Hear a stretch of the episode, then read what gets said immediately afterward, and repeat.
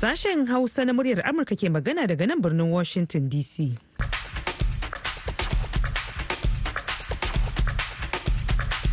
Masu sauraro Assalamu alaikum. Barkanku da wannan lokaci. Yanzu ma Aisha Mu'azu ce tare da Ibrahim Ka'almasi Garba da sauran abokan aiki muke farin cikin sake kasancewa tare da ku a cikin shirinmu na dare. Yau Alhamis 11 ga watan Janairu na shekara ta 2024. Da fatan an wuni lafiya. To bayan labaran duniya yayin da gwamnatin Najeriya take ƙoƙarin ɗaukan matakan da za su daga darajar kuɗin ƙasar wato naira. Har yanzu dai haƙar gwamnati bata kai ga cimma ruwa ba. Za ku ji abin da wani masanin tattalin arziki ke cewa don aka kasance cikin shirin. Sannan kuma za mu leƙa jihar Zamfara domin jin halin da ake ciki. Ƙasa da sa'o'i 24 kafin kotun koli ta raba gaddama a kan takaddamar kujerar gwamna da ake yi a jihar. Kamar kuɗin a rana irin ta yau alhamis zainab babaji tana nan tafa da rahoto na musamman. Kuma a yau ta hada mana rahoto ne akan koken 'yan kasuwa a najeriya da kuma matakan da suke ɗauka don ganin hukumomi sun ɗau matakan magance kalubalodin da suke fuskanta. Sai kuma labaran wasanni daga najeriya. Amma kafin nan za mu fara da shan labaran duniya.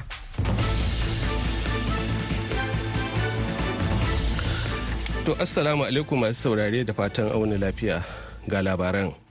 Shugabannin ɗariƙar Katolika na ƙasashen Afirka da Madagaskar yau Alhamis sun fitar da wata takardar jawabin bayan taro ta bayyana matsayinsu na ƙin aiki da shelar da Papa Roma Francis ya yi ta ba da dama ga firistocin Katolika su sa albarka ma masu auren jinsi guda. Takardar wadda ke ɗauke da sanya hannun kadinal din ƙasar congo fridon ambongo a madadin babban taron manyan ikiliziyoyin afirka da madagascar sakim a taƙaice. Ta ce irin wannan auren ya saba ma dokar allah. Wannan matakin na zuwa ne bayan da a ranar 18 ga watan disamba Papa Roma Francis ya yi shelar amincewa firistoci su sanya albarka ma masu auren jinsi matakin da 'yan luwaɗi da maɗigo da dangoginsu da ke ɗariƙar ta katolika suka yi maraba da shi.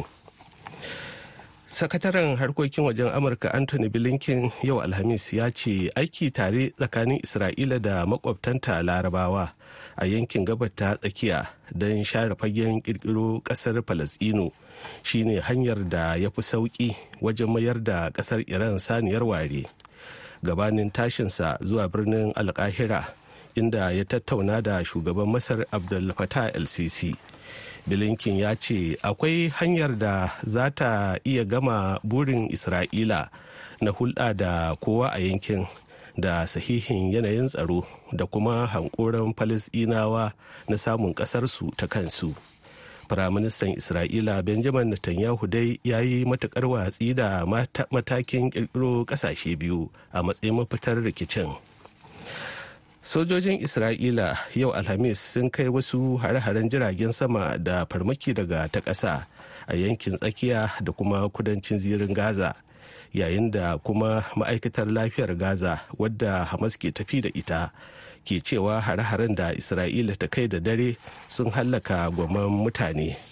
Ma'aikatar lafiyar ta gaza ta ce mutane sama da 60 ne suka mutu ciki har da waɗanda suka mutu a hare-haren jiragen saman da isra'ila ta kai kan yunis da ke kudu wanda shine birni na biyu a girma a gaza. Rundunar sojin isra'ila ta kuma jagoranci wani gane mai ido wanda manema labarai suka yi cikin wata hanyar ƙarƙashin ƙasa a han yunis inda ta ce akwai alamomin da suka tabbatar cewa mutanen da aka yi garkuwa da su sun kasance a wurin. To karfa a sha'afa ana shan labaran ne daga sashen hausa na muryar amurka a nan birnin washington dc alkalai a kotun ƙasa da ƙasa sun fara sauraron ba'asi na tsawon kwanaki biyu daga yau ɗin nan alhamis a wata karar da ƙasar afirka ta kudu ta shigar. Ta tuhumar isra'ila da aikata kisan kiyashi a yaƙin da take yi a gaza. Afirka ta kudu na buƙatar kotun ta bayar da umarnin dakatar da yaƙin da isra'ila ke yi a gaza ɗin inda isra'ilar take cewa so take ta kawo ƙarshen ƙungiyar mayaƙan hamas saboda harin ta'addancin da ta kai ranar bakwai ga watan oktoba a kudancin isra'ila. A takardar shigar da karar afirka ta kudu ta ce tana son kotun ta tuhumi isra'ila da laifin saba ma dokar kisan kiyashi.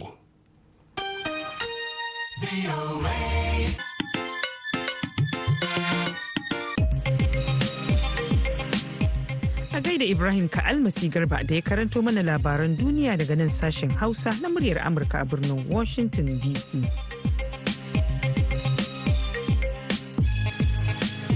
Yanzu za mu buɗe taskar rahotannin namu da batun tattalin arziki a Najeriya. Har yanzu dai darajar kuɗin Najeriya na Naira na tangal-tangal duk da ƙoƙarin da gwamnatin ƙasar take yi don daga darajar kuɗin. Dalilin kenan da ya sa na nemi jin ta bakin Dr. Anas Ibrahim Kubalu, masanin tattalin arziki kuma malami a jami'ar Kashere da ke jihar Gombe, akan abin da ke dan kwafar da darajar Naira duk da yunkurin gwamnati sai ya ce.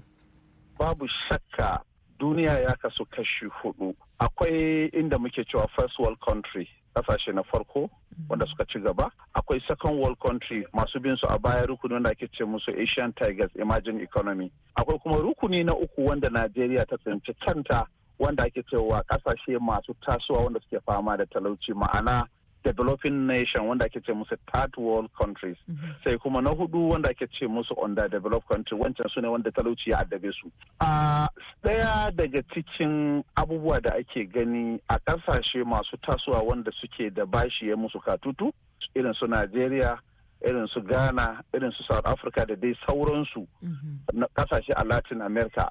Wato muna fama da abin da ake cewa industrialization ma'ana masana'antu wanda ya kamata a ce sun sarrafa kayan da ƙasashen za su yi dogaro da kansu. To rashin wannan masana'antun duka da kayan masarufi na yau da kullum ba ma iya sarrafa shi sai muka zama wa ƙasar labili. Na ɗaya kuɗinmu sai ta zama saniyar ware ba ta da daraja saboda babu abin da za ta saya a ƙasar.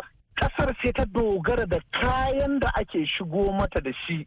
Daga ko'ina a duniya wanda naira baya iya sayo wannan kayan a china baya iya sayowa a europe baya iya saya a america baya iya saya a asia. Sai ka nemi da euro ko dala ko ka nemi sterling pound ko ka nemi yuan na china. Sai ya zamana kuɗaɗen ƙasashen duniya ya fi daraja ya fi daraja an fi titita shi saboda shi ne yake iya shigo da kaya cikin kasan to tsohon shugaban kasa buhari a zamaninsa an ce ya yi devaluing currency ma'ana ya karya darajar naira.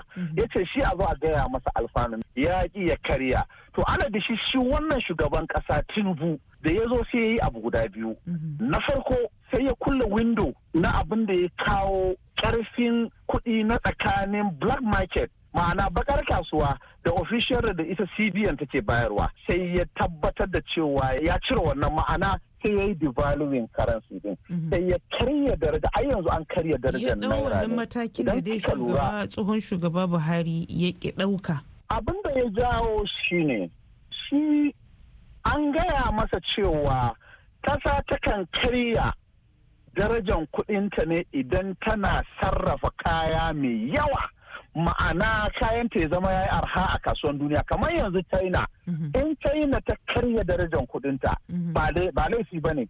Tana so ne ta shiga gaban america a wurin dominating na market din saboda kayan ta ya zama ya yi arha kowa zai iya saya sai ya zama ta yi capturing din market da population na duniya gaba ɗaya. To amma kasa irin najeriya ko ta karya darajar kudinta to ta kara karya abin da ake shigowa da shi ne za a samu hawan tsadan kaya. Saboda kayan da muke saya kusan duk daga waje ne. Idan ka karya darajar naira ka kara wa dala fifiko duk kayan da ake shigowa da shi zai yi tsada. Wannan yana ɗaya daga cikin umu a bashi na ɗaya kenan. Dr. Anas Ibrahim Kubalu masanin tattalin arziki kuma malami a jami'ar Kashire kenan a hirata da shi. Yanzu kuma sai batun siyasa. Takaddamar kujerar gwamnan Zamfara ya kasance cikin manyan zaɓuka da kotun kolin Najeriya za ta yanke hukunci a kansu gobe. Kuma na tattauna da Sani Shu'aibu Malumfashi wakilin muryar Amurka a Zamfara akan halin da ake ciki gabanin hukuncin kotun kolin na gobe. Sai ya ce? Wato abin da ke faruwa shine kallo ne ya koma sama. Inda abin da hukuncin na a can abuja za a yanke mutane ɓangaren gona yan pdp manya da yara da kuma wasu ƙananan hukumomin mulki duk sun kama hanya sun ɗunguma waɗanda ke da halin tafiya don su je su ji kada ma dai a ba su labari. Kuma kamar yadda suke nunawa cewa suna da kyakkyawan yakinin cewa nasara za ta kasance gare su. Sun san yadda shari'a take dole shari'a za ta yi wani daɗi wani kuma za ta yi musu daɗi ba. Saboda haka garin kamar an ɗan yi shara haka galibi duk an yi can abuja don daga can za su fara tsimi in abu ya kasance yadda suke so. Wato tsakanin mutanen da suke hada-hada siyasa kenan. Eh yan hada-hada siyasa. Wannan takaddamar na jihar zamfara na daga cikin hukunci da ya ɗau hankalin al'ummar mutan arewa ko kuma in ce ma mutanen jihar ta zamfara. Wato da ba shi kwamishinan 'yan sanda na jihar tuni yana sane da irin wannan ganin cewa ya yi aiki a wurare daban-daban. Kuma dama duk inda ake wannan takaddama na cewa za a yanke hukunci akan gwamna mai kai wanda yake kai yanzu da kuma wanda yake neman ya kawar da shi to sun san cewa akwai wannan kallon waye kai nan. Saboda haka sun riga sun kasance cikin tsaro kuma tuni suna sun gaggana da su yadda za a tabbatar da cewa duk yadda sakamakon nan ya taho kada wani ya zai ce zai ɗauki a doka a hannunsa domin nan ne kotun da ya kamata a yi an kuma bi duk hanyoyin da za a bi an kai ga wannan. Sannan kuma su jami'an tsaro a shirye suke ba wai 'yan sandan kaɗai ba har da ɓangaren sojoji da civil defense da sauransu da an yi koyi yadda za a hada hada ƙarfi da ƙarfi ana kula da mahimman wurare a cikin birni da kuma wasu mahimman wasu wurare bayan gari don tabbatar da la tsaron lafiya da kuma dukiyar jama'a. Da da duk sakamakon ya kama ba za a samu wani mishkila ba. Ina ga batun waɗanda suke zamfarar mutane talaka wanda shi kawai ana mulkansa ne yana fata ya samu shugabanci ko wakilci na gari. Me suke nema me suke so ransu su ji cewa a kotun koli ta yanke? Gaskiya mutane sun fi raja'a ga inda za su samu sauƙi musamman da yake ana ta samun matsala a wajen yankin karamar hukumar na marudin na wajen dan sado da shauransu. Ana ta samun waɗannan abubuwan da aka samu a shekarun baya. Wannan abin yana ci masu kowa kwarya inda sai an yi masu fito jami'an tsaro sun taho. Wani lokaci ma za ki ga suna maganan cewa ba sa samun wannan. To ire-iren waɗannan mutane burinsu shine a bawa wanda yake wasu kuma wanda yake duk inda mutum ya yi shugabanci dole akwai waɗanda suke fansa dole akwai waɗanda kuma suke ganin akwai inda aka gaza da shauransu. To daga irin waɗanda suke fatan su gaza zo ya ci gaba ɗin to su ma nan suna nan suna ta fatan cewa a yi. Amma gefe guda ganin cewa an ba shi an ba shi wuri wanda yake ya kamata jami'an tsaro suna ƙarƙashin sa za a iya wasu abubuwa a ce an gani a gurguje an ɗauke waɗannan abubuwa to wannan yana cikin zakatan wasu kalilan da suka ki ba su bayyana man sunansu amma suna bayyana irin ra'ayinsu na cewa su kan gara dai a samu canji ko a samu sauƙi waɗannan al'amura.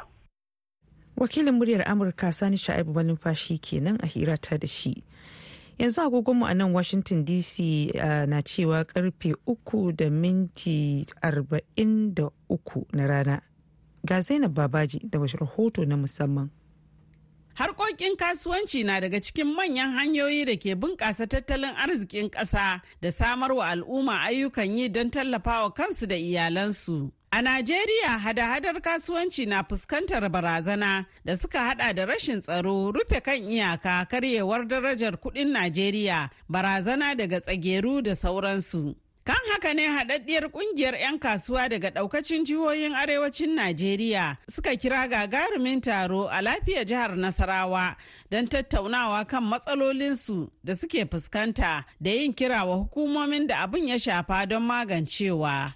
Alhaji Jahi Abdullahi mataimakin shugaban haɗaɗɗiyar ƙungiyar 'yan kasuwa a arewacin Najeriya ya ce taron kafa ce don tattaunawa da sanar da hukumomi matsalolinsu don ɗaukan mataki. Yanzu mun yi taro kuma mun sanar da irin abubuwan da ake mana na kama karya kama daga 'yan iskan gari wanda suke a kudancin Najeriya sannan kuma da jami'an tsaro na kwastam da 'yan sanda da sauransu. rufe boda ya shafi kusan kowa ne. Mu da 'yan kasuwa ta inda abin ya shafe mu ta inda idan mun yi oda kayayyaki dukkanin bodojinmu da suke jihohin arewa a rufe suke. Kuma alalakala da rufe bodojin nan kusan shekaru kusan goma yanzu da rufe su. Kuma mu dai daga ɓangaren ba mu ga rufe su ya haifar da wani ɗamin ido ba. Domin security da ake so a samu security bai samu ba. Sannan kuma noma da ake so a yi to shi ma dai har yanzu bai haifar da ɗamin ido ba. Domin idan ka kalla kafin a rufe boda nawa kake sayan buhun shinkafa? Yanzu nawa yake?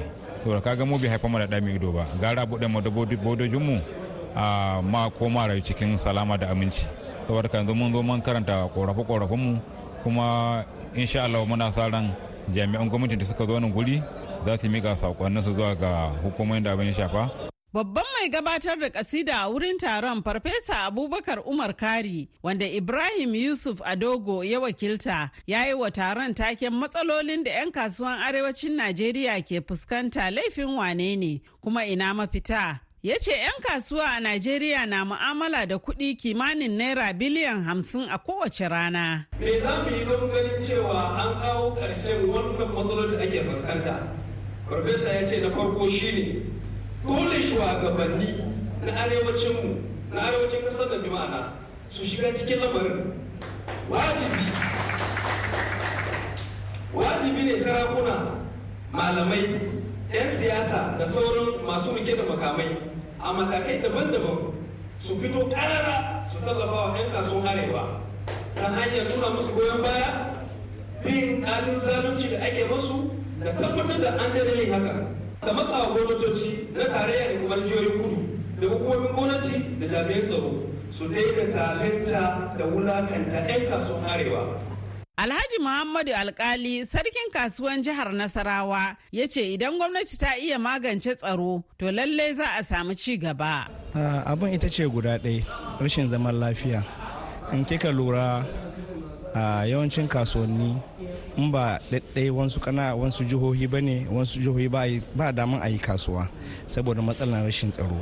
Kuma hukuma suna iya ƙoƙarinsu. Duk maganganun ake yi kan hukuma mu ai hukumar nan 'ya'yanmu ne da kuɗin kasuwa da kuɗin kasuwanci muka sa su a makaranta kuma kowane dan kasuwa yana da hurumi ya kira ɗansa ya nuna masa mahimmancin samu zaman lafiya saboda ci gaba a samu kasuwanci. Saboda abin in aka juya tana nan a ɗai zainab tana nan a ɗai ɗan kasuwa shi ya haifi soja shi ya haifi ɗan sanda shi ya haifi kowa saboda kuɗin kasuwanci ɗin nan shi ne aka yi training ɗinsu har suka zama mutane. To ya kamata hakinsu ne su dawo su duba cewa mu ma mun zama wani ba ƙasar nan saboda dalilin kasuwanci ne. Abin a ɗaya take zainab babaji. Mu ma muna da haƙƙi mu zauna da 'ya'yanmu jami'an tsaro mu gaya musu mahimmancin su ba da kulawa su ba da kulawa saboda ingancin kasuwanci don in ba a noma yanzu ba a kiwo. To abubuwa sun zama abin da ya zama mun zama kakani kayi kuma wannan abin ba wai ya fi ƙarfin mu ba ne in muka dawo muka zauna da sulwa ba kowa yanci ya yi magana da nasa sai a samu matsala insha Allah. Daga jihar Sokoto Muhammad Gatawa ya ce 'yan kasuwa a Najeriya suna fama da ɗimbin matsaloli. A hakikanin gaskiya mu 'yan kasuwa arewacin Najeriya muna cikin hali na hala ula'i. Gaskiya muna cikin manyan matsaloci kama da ga matsalar tsaro mu da muke jihar sokoto muna fama da matsalar tsaro na kidnapping kullun muna busa hanya na tafiya ba bacci a idonmu domin tunanin za a iya kama mu ko ta wani ɓangare bayan haka idan muka je wurin sayan kayan in muka sayo kayan gwamnati da addade ta ba mu kariya da tsaro mu ji daɗi ta ɓangaren nata. Ita gwamnati kuma farautan ka take yi kuma ita tare da kai. Akwai lokacin da custom sun taba kama motar mu. Akalla mota ce trailer wadda 'yan kasuwa na jihar sokoto suka yi haɗaka sama da mutum ɗari. Ki duba matsalar tsaron da 'yan jihar sokoto suke fama da shi kama da kidnapping da sauransu. Amma custom na ƙasar najeriya suka yi musu tara ta sama da miliyan biyu wanda yake mutanen nan ɗari su ne fa aka raba wannan miliyan biyun kansu. Wani jarin na dubu ɗari ne wani jarin na dubu ɗari biyu ne suka yi haɗakan nan suka sa. Amma ji irin taskon da suke. Kuma kuɗin nan da custom suke an saba wai suna kaiwa ga aljihun gwamnati ba. Inda aljihun gwamnati ne da mun yi farin ciki mun ji daɗi mun san ƙasan mu ne za ta mora mu za mu mora mu 'yan ƙasa. To su ne suke cin wa'annan kuɗi saboda rashawa. Wannan shine abun takaici. Ko muna kira da babban murya ga gwamnati ta dibi girman Allah ta shiga ciki ta intervention. Mun samu irin wa'annan matsaloli a baya lokacin dukko inde muna fatan Allah ji kanshi da rahama. Lokacin na akwai wani program da yake custom diary. Ya taba fada a cikin custom diary cewa duk custom din da aka gani less than 18 kilometers farawo ne. To amma yanzu ba mu san ke faruwa ba. Dokar custom din mu fa kayan da muke saya muna sayan su a shaguna ne ba samogulin muke yi ba. Mahiyancin muna sayan kayan mu daga lagos edimota trade kuma a shaguna muke saya kuma shagunan nan sai sun yi clearance duty a wop kamin su kawo amma mu in muka ɗauko ba kwantriban ba komai ba amma custom za su kama mu su anshi wannan kuɗi. Shi ma Sadiq Adam daga Jos jihar Plateau ya ce suna ba da gagarumin gudunmawa wajen ci gaban ƙasa don haka ya kamata gwamnati ta kula da lamuransu. Muna kawo ci gaba kuma muna kawo rawa da muke takawa ƙasa wajen rage masu zaman banza. Bayan zan rage masu zaman banza yanzu insecurity ya yawa most especially mu 'yan arewa. 'yan arewa duk daga mutum ya tashi ba abin yi. Ba mamaki akwai wani abokin shi da yake tare da wancan miyagu ya ga eh lallai ga abubuwa da yake samu. Ko a'a ya gan shi a cikin wata nima.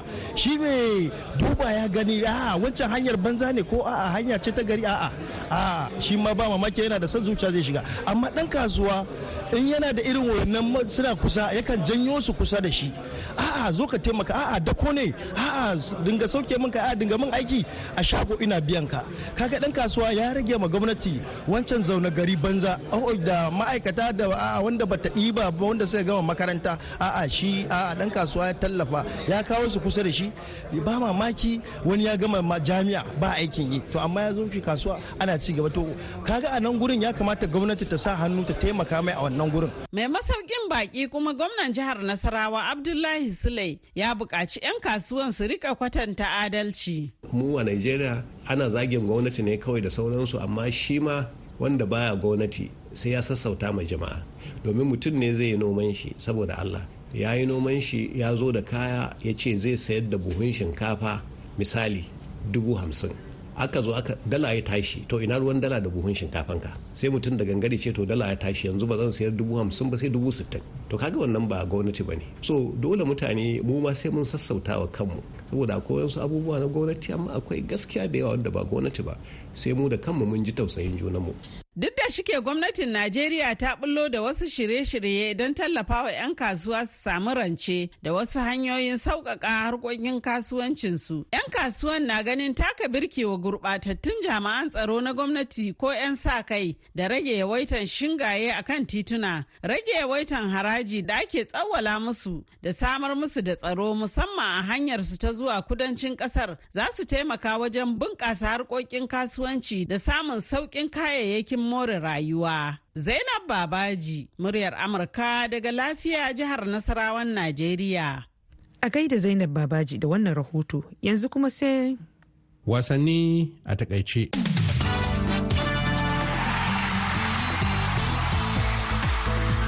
mai saurare barkanmu da saduwa ta cikin shirin labaran wasanni wanda ni abdulhamid muhammad ke gabatarwa daidai wannan lokaci ta gidan radiyon sashen hausa murar amurka. To ganin dai cewar jibi asabar ne za a buɗe gasar ƙwallon kafa ta nahiyar afirka a ƙasar cote d'ivoire. Zan fara ne da bako cikakken bayanin ƙasashe guda 24 da suka sami damar shiga gasar wanda za a fara a ranar 13 ga watan janairu a kuma kammala a ranar 11 ga watan gobe na watan fabrairun shekara 2024 idan allah ya kai mu.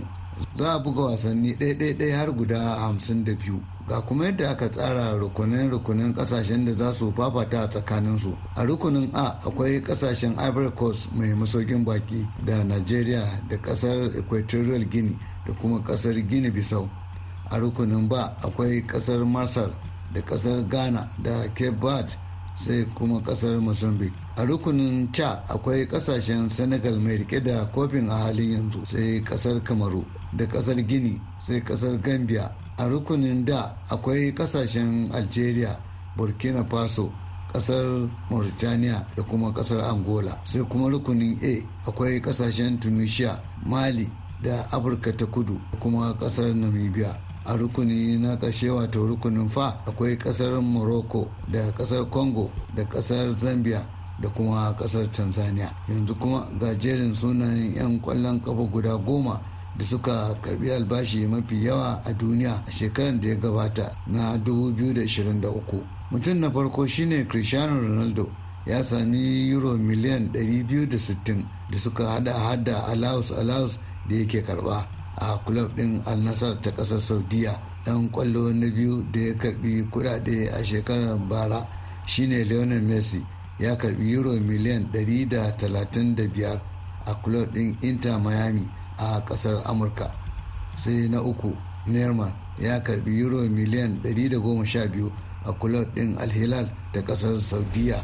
Kylian mbappe shine na huɗu. A yawan kuɗin da ya samu a shekarar bara ya karɓi euro miliyan 110 chip chip a kulob din psg dan ƙwallo na biyar da ya sami kuɗi a shekarar bara shine karim benzema. Ya karɓi euro miliyan 106 a kulob din al-ittihad. Ta ƙasar saudiya. Mutum na shida shine erling haaland. Ya sami euro miliyan 58 a kulob din manchester city na ƙasar ingila. Na bakwai mohamed salah ya sami euro miliyan 53 a kulob din liverpool ta ƙasar ingila. Sadio mani shine na takwas ya karɓi miliyan 52 a kulob din al nassr a saudiya. Mutum na tara shine kevin de bruyne ya karɓi euro miliyan 39 a kula din manchester city ta ƙasar ingila. Mutum na goma shine harry kane captain din ƙasar ingila da yanzu yake taka leda club din bayern munich din ƙasar jamus. Ya karɓi euro miliyan 36 jerin sunayen 'yan ƙwallon kafa guda goma kenan wanda suka karɓi manyan kudade a duniyar ƙwallon kafa a shekarar bara. Daga ƙarshe kuma muna taya sadio mane dan ƙwallon ƙasar senegal dangane da auren da ya yi. Sadio mani din dai ya auri aisha tamba wanda suka daɗe suna soyayya. Da wannan na kawo ga ƙarshen labaran wasan na wannan lokaci. Abdulhab muhammad waya amurka daga bauchi a nigeria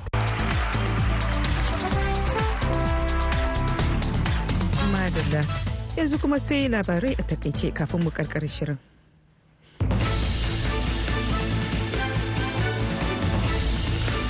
To a takaicen shugabannin ɗariƙar katolika na ƙasashen Afirka da Madagaskar yau Alhamis sun fitar da wata takardar jawabin bayan taro ta bayyana matsayinsu na ƙin aiki da shelar da Paparoma Francis ya yi ta ba da dama ga firistocin katolika su sa albarka ma masu auren jinsi guda. Takardar wadda ke ɗauke da sanya hannun cardinal ɗin ƙasar congo fridolin ambongo a madadin babban taron manyan ikiliziyoyin afirka da madagascar sakin a taƙaice. Ta ce irin wannan auren ya saba ma dokar allah. Sakataren harkokin wajen amurka anthony blinken yau alhamis ya ce aiki tare tsakanin isra'ila da makwabtanta larabawa a yankin gabar ta tsakiya don share fagen kirkiro ƙasar falasdino shine hanyar da ta fi sauƙi wajen mayar da iran saniyar ware. Sojojin isra'ila yau alhamis sun kai wasu hare-haren jiragen sama da farmaki daga ta ƙasa a yankin tsakiya da kuma kudancin zirin gaza yayin da kuma ma'aikatar lafiyar gaza wadda hamas ke tafi da ita ke cewa hare-haren da isra'ila ta kai da dare sun halaka gomman mutane. Alkalan kotun ƙasa da ƙasa sun fara sauraron ba'asi na tsawon kwanaki biyu daga yau alhamis a wata karar da ƙasar afirka ta kudu ta shigar da tuhumar isra'ila da aikata kisan kiyashi. Masu sauraro da wannan ne kuma muka kawo ƙarshen shirin namu na yau. Sai kuma zuwa gobe da safe idan allah ya kai mu aji wasu abokan aikinmu da shirinmu na safe. Yanzu a madadin ibrahim ka almasi garba da ya taya ni gabatar da shirin sai wacce ta shirya kuma ta ba da umarni julie leathers gresham da ma wanda ya sada mu da ku yanzu carl sterling. Ni aisha mu'azu nake muku fatar asibahi ta gari.